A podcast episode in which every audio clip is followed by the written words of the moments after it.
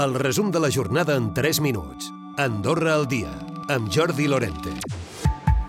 La Unió Sindical i altres entitats, com ara la Coordinadora per l'Habitatge Digne, preparen noves manifestacions per protestar contra l'especulació immobiliària.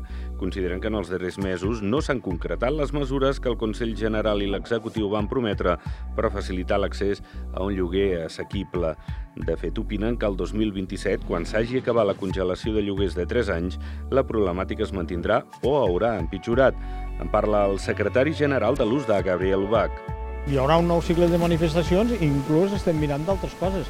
El que no podem continuar és com estem continuant avui en dia, que sí, s'emprenen la boca de que sí, no, ara estem fent 50 pisos, ara estem fent 100 pisos socials. Això no solventarà res, perquè el problema d'Andorra no són 50 ni 100 pisos. El problema d'Andorra potser són 3 o 4.000 pisos, i això no estaran d'aquí 3 anys.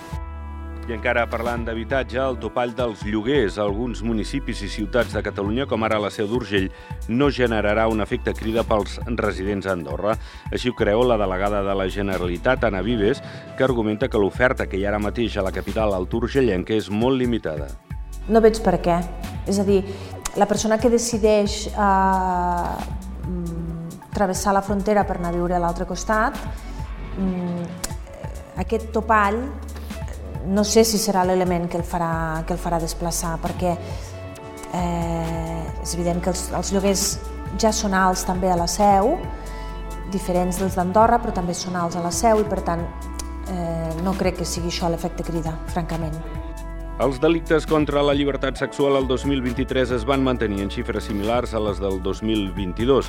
L'any passat es van denunciar una vintena d'afers relacionats amb pornografia, la mateixa xifra d'agressions constitutives de violació i una dada lleugerament més baixa de casos d'assetjament sexual. Després, hi ha hagut vuit conductes constitutives de violació, quatre d'exhibicionisme i dos d'abusos sexuals a menors. IAPAMAT denuncia la desforestació del bosc de la Caubella i també l'impacte que l'heliport tindrà a nivell paisatgístic i ambiental.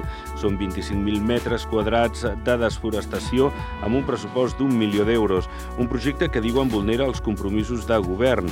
Ara volen ensenyar com ha canviat el paisatge, però no descarten fer més accions. Per això estan llançant a través de les xarxes socials un vídeo que han compartit per conscienciar sobre aquesta desforestació del bosc de Pal, on ha d'anar l'heliport. Els treballs avancen ràpidament, la pista de vol es preveu que s'enllesteixi aquest any i l'heliport es posarà en marxa a finals del 2025. L'audiència dels Premis Eslan, que s'han fet aquest divendres a Andorra, no ha arribat a la previsió inicial de l'organització.